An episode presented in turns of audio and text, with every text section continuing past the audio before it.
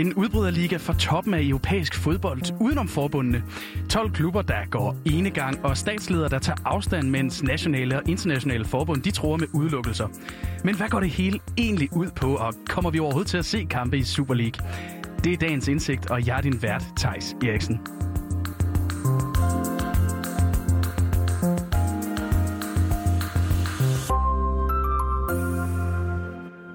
Sent i aftes der annoncerede annonceret 12 klubber en udbryderliga, som skal give flere Manchester derbys, flere El Clasicos og flere Derby della Madonnina. Og generelt flere kampe fra allerøverste europæiske fodboldhylde. Og på få timer, ja, der har statsledere taget afstand, og der trues med bål og brand. Og på Twitter, ja, der lægger fans altså heller ikke skjul på, hvad de mener er motivationerne bag den her liga. Men inden vi går videre, så lad os lige se på, hvad Super League det egentlig er. For det er altså Juventus, AC Milan og Inter fra Italien. Så er det Manchester City, Chelsea, Manchester United, Arsenal, Liverpool, Tottenham fra England. Og så er det altså Barcelona, Atletico Madrid og Real Madrid fra Spanien. Og de har altså natten til i dag annonceret, at de er founding clubs bag en ny europæisk turnering, som skal hedde Super League. Turneringen den skal altså bestå af 20 hold, hvoraf de 15 skal være founding, altså grundlæggere. Og derfor så er der altså endnu tre hold, der kan komme med i turneringen.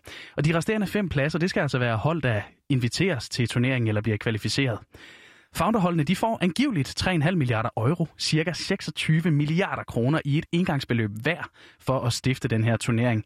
Og på sin hjemmeside, ja, der skriver Superliga altså også, at turneringen den skal spilles i midtugen, og så vil klubberne altså samtidig fortsætte i deres nationale turneringer. Men fans af alle klubberne har været tidligt ude og lufte en massiv utilfredshed. Og det er altså blandt andet Peter Hasle Laversen, der er redaktør på oldtrafford.dk, som er den danske Manchester United fanklub.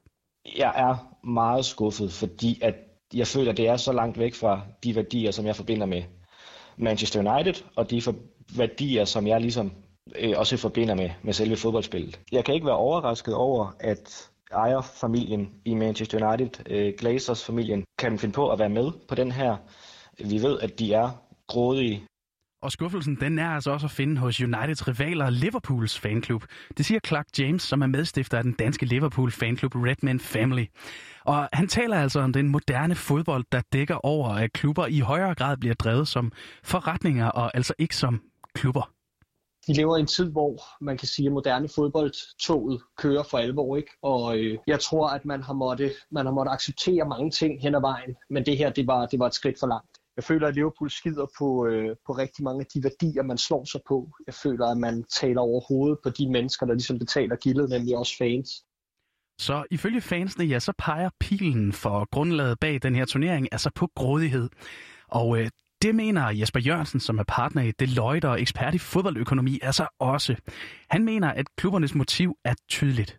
Altså det drejer sig ikke et hak om fællesskab, det drejer sig om de 12 klubber og måske nogle få andre klubber, som ikke har meldt sig ind i, i selskabet endnu. Det drejer sig om øh, penge for dem på to måder. Den ene er, at en lukket liga skaber øh, flere indtægter, end de har mulighed for at få i dag i Champions League setup. Og den anden del, det er at beskytte dem og sikre deres indtægter, som de risikerer at kunne miste, hvis de for eksempel ikke kvalificerer sig til Champions League, i nedrykning og alt muligt andet. Så det er kun for dem selv, det drejer sig om, og ikke noget, der gavner den brede fodbold på nogen som helst måde. Men øh, handler det så bare om penge det hele? Måske ikke, for UEFA, der står bag turneringen Champions League, de har altså arbejdet i kulisserne på at lave ændringer til den turnering. Og faktisk så har de i dag stemt for et nyt format, der skal træde i kraft fra 2024. Og i det nye format, der vil der altså så blive plads til 36 hold i stedet for de nuværende 32. Og det kommer altså så til at lægge op til, at der samlet set skal spilles 225 kampe i turneringen i stedet for 125. Og så skal holdene altså være en del af en stor gruppe, så der bliver flere kampe sikret både ude og hjemme i Europa. Men det forslag, det har altså haft mødt en del modstand undervejs, og det har det altså mødt både fra klubber og så fra fans. Blandt andet fra Manchester United-fans som Peter Haslet Laversen. Og derfor så tror han altså også, at øh, de her 12 klubber, de bruger Super League som en presbold mod UEFA og deres Champions League-ændringer. Der er selvfølgelig helt klart et økonomisk synspunkt, men jeg tror da også, at de måske føler, at UEFA kan være ledet på en måde, som, som ikke taler til deres øh, fordel, og som de måske også vil have et opgør med. Fordi der er der selvfølgelig også nogle problemer i UEFA, og den måde, som de gør tingene på. Men øh, hvem er det så egentlig, der presser? Hvem, hvis klubberne mener, de presser UEFA, og UEFA presser den anden vej? Fordi øh, siden der søndag aften kom en officiel melding om, at 12 klubber altså er klar til den her Super League, der har modstanden været massiv. Først og fremmest så har det altså været blandt fans, men kritikken den har altså også bredt sig til mere prominente og højtstående personer. Vi kan for eksempel tage den britiske premierminister Boris Johnson, for han kalder det for et angreb på fodbolden, og han bliver altså bakket op af den franske præsident Emmanuel Macron. Han udtaler, at Frankrig de vil hjælpe med at kæmpe imod Super League. Og øh, EU-kommissionens næstformand for fremme af vores europæiske levevis, som han hedder, Margarete Skinas, han kritiserer altså planerne på Twitter, hvor han skriver, at, citat, vi må forsvare vores værdidrevne europæiske sportsmodel, som er baseret på diversitet og inklusion, citat, slut. Og øh, hvis vi så lige hæver os lidt ned for EU-niveauet, og så lige tager de danske briller på, ja, så har EU's, undskyld, så har DBU's administrerende direktør Jakob Jensen altså sagt til TV2, at de mener, at ideen den er gennemført dårligere. Han kalder det altså også for et grundlæggende angreb på den europæiske fodboldstruktur. Lidt ligesom Boris Johnson gjorde det. Så kritikken den er altså her til at få øje på, men, men hvad så med konsekvenserne? Hvis vi starter på landsholdniveau, så er det altså UEFA, der står for eksempelvis verdensmesterskaberne i Katar næste år, og de har altså gjort det klart, at de vil udelukke de spillere, som er en del af de 12 hold, der nu har tilsluttet sig Super League. Og spillerne de vil altså blive udelukket for både EM og VM.